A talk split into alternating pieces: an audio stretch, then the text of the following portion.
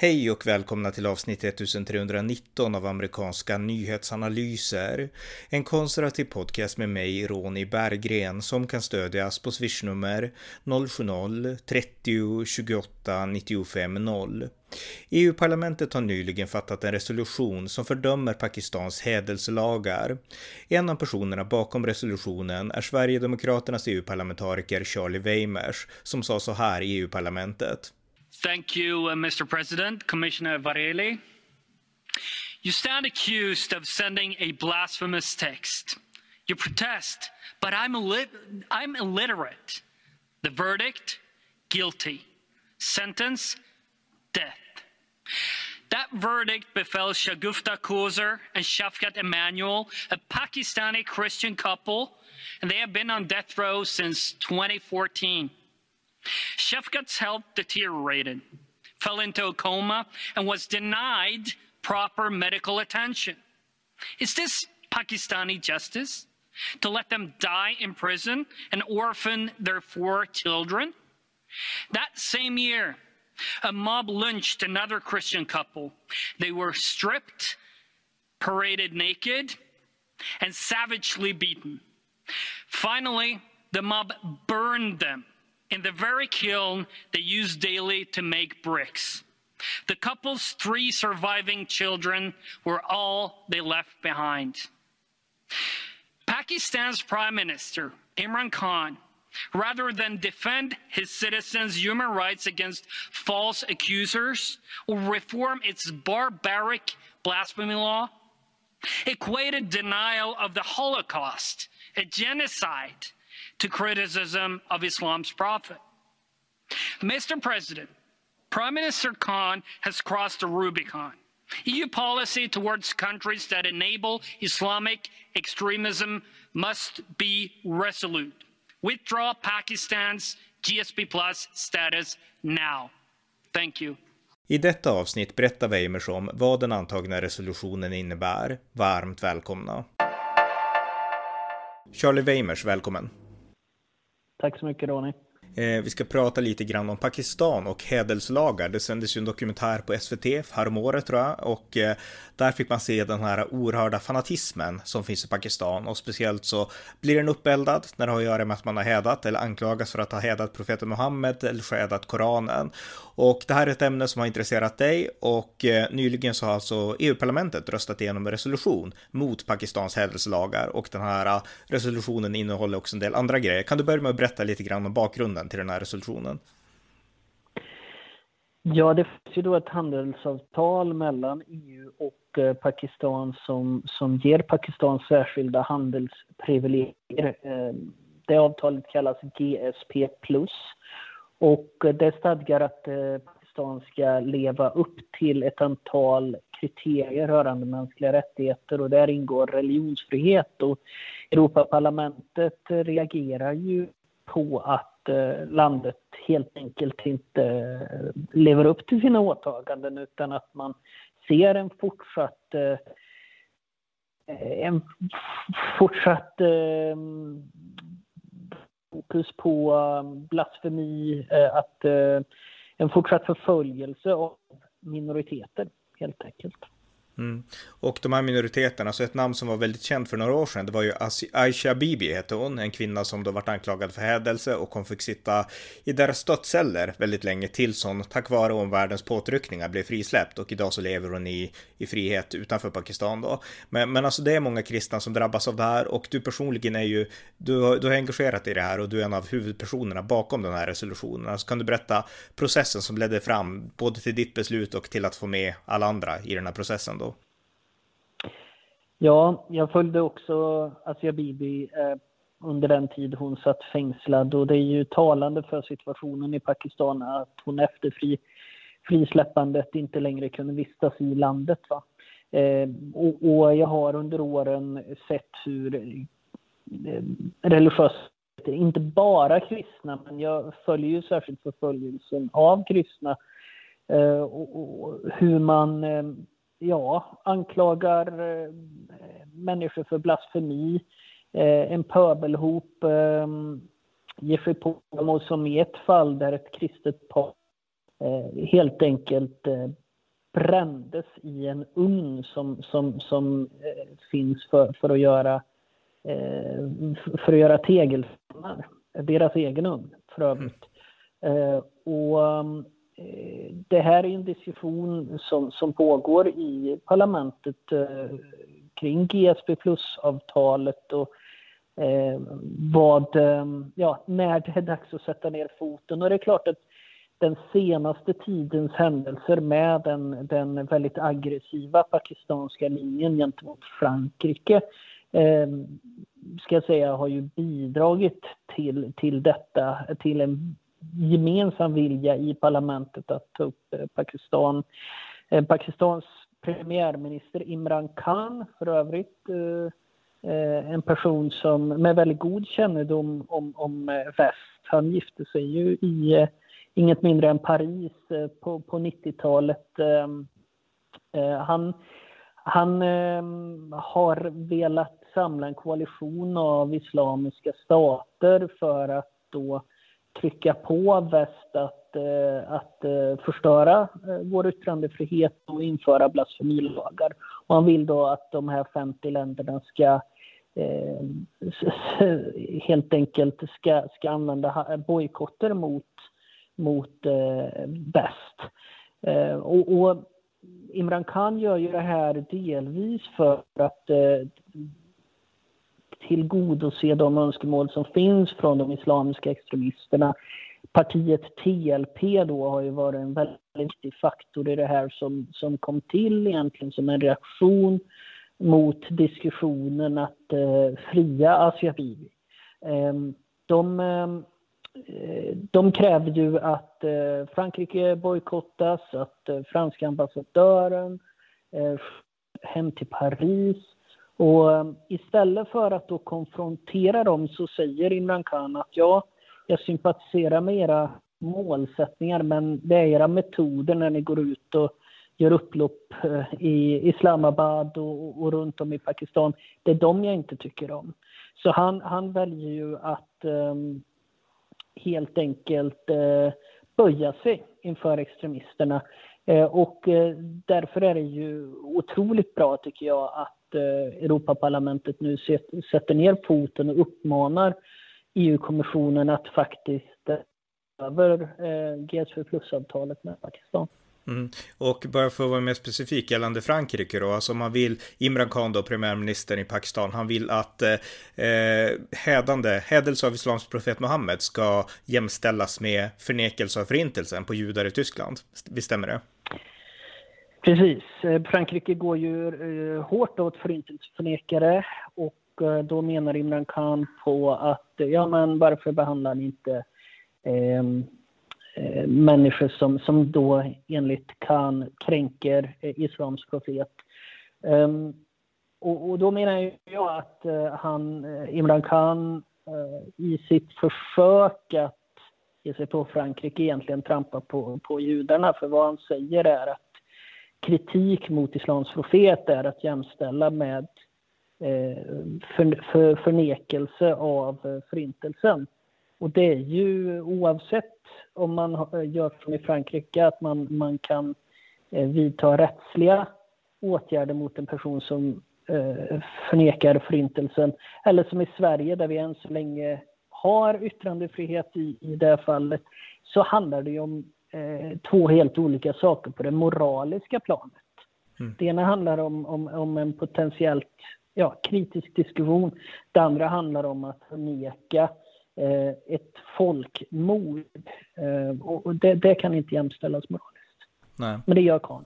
Mm, ja, verkligen. Och det, alltså, det är alltså två på, påpressningar då. Dels för hans önskan, alltså man går emot hans önskan att Europa ska liksom böja sig och man går emot synen då på, ja, hädelse inom Pakistans gränser. Men alltså, eh, du berättar om det här eh, handelsavtalet. Alltså, vad kan det här innebära konkret i relationen, den ekonomiska relationen förmodar jag då, med, mellan EU och Pakistan? Ja, under de snart två år jag har varit Europaparlamentariker så är det få resolutioner som, som parlamentet har eh, antagit i utrikespolitiskt hänseende som har vållat en så stor debatt i det land det berör. Och det beror ju på att Pakistan då har en, en väldigt stor export till EU. Eh, innan GSP plus-avtalet så var exporten, eh, exporten till EU, andelen av Pakistans totala export var 22 procent. Och efter att det här eh, avtalet kom till så har den andelen ökat till 35 procent. Så eh, skulle då kommissionen lyssna på parlamentet och dra i handbromsen här så skulle det få eh, katastrofala ekonomiska effekter för regeringen Khan, för Pakistan. Och, och detta Eh, har då lett till en, en eh, seriös diskussion i Pakistan och ett försök till analys. Vad är det EU säger här?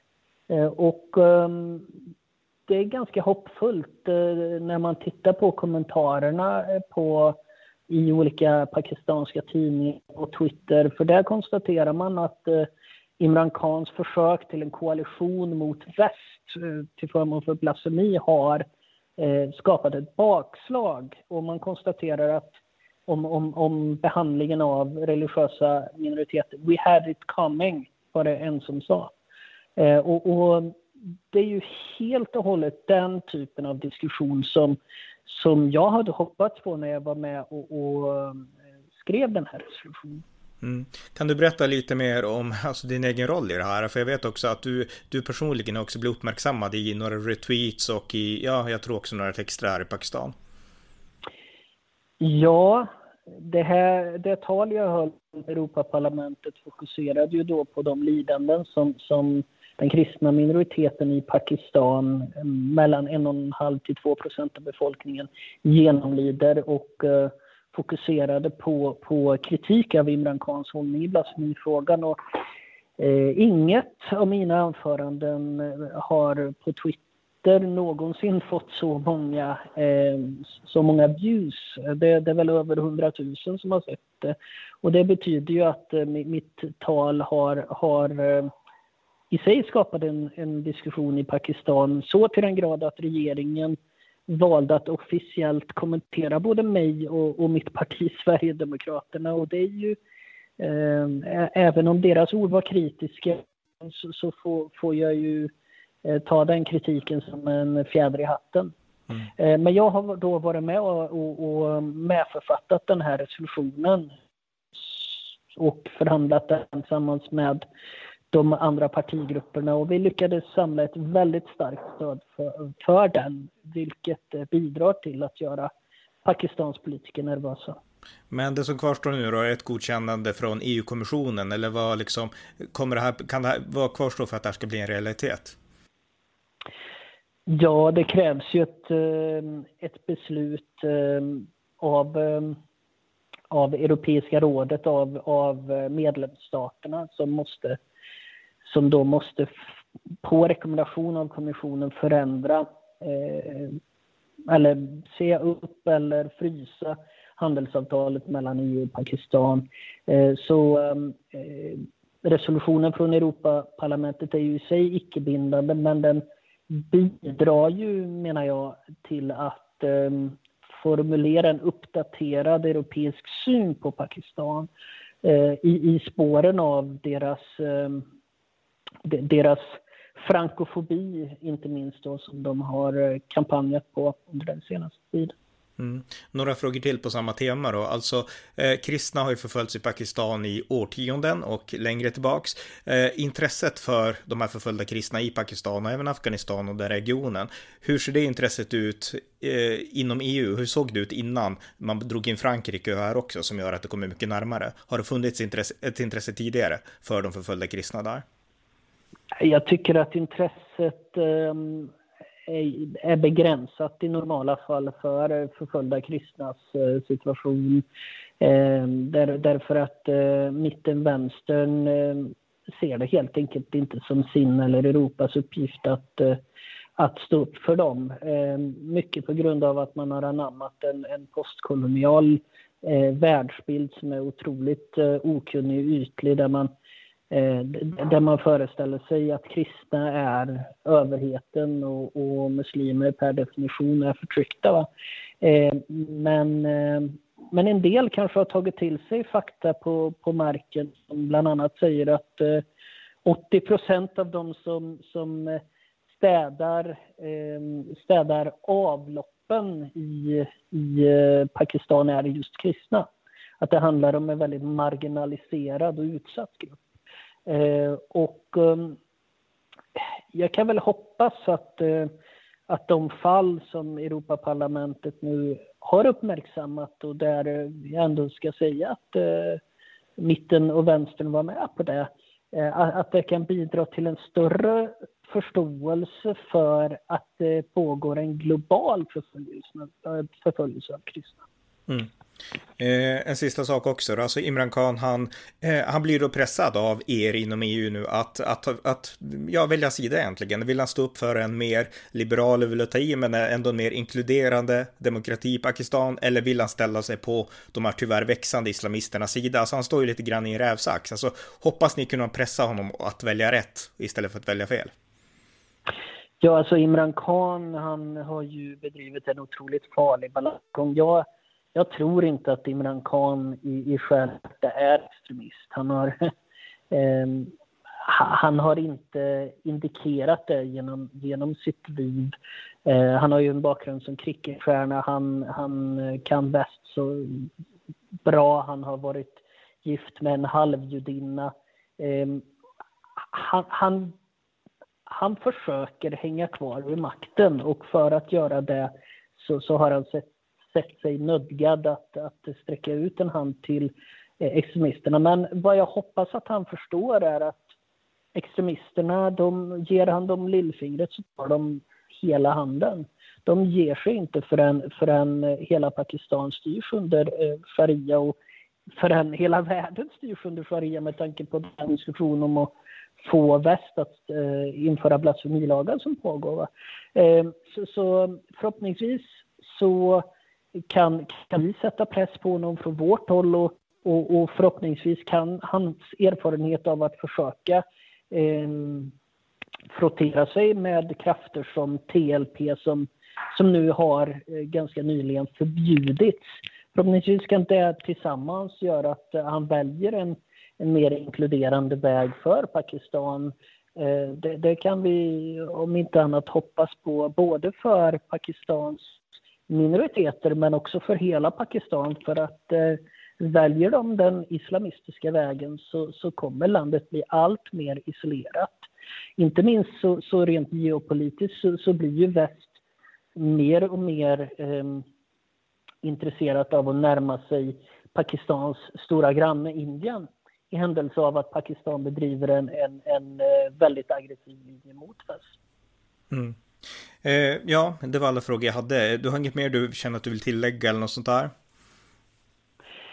Nej, den, den som vill eh, titta lite på Pakistans utveckling och hur landet har eh, blivit allt mer extremistiskt de senaste årtiondena eh, är ett väldigt intressant case eh, med, med tillväxt alltså, hur avsaknaden av en, en fungerande, ett fungerande utbildningssystem har möjliggjort en tillväxt av islamisk extremism i det här landet.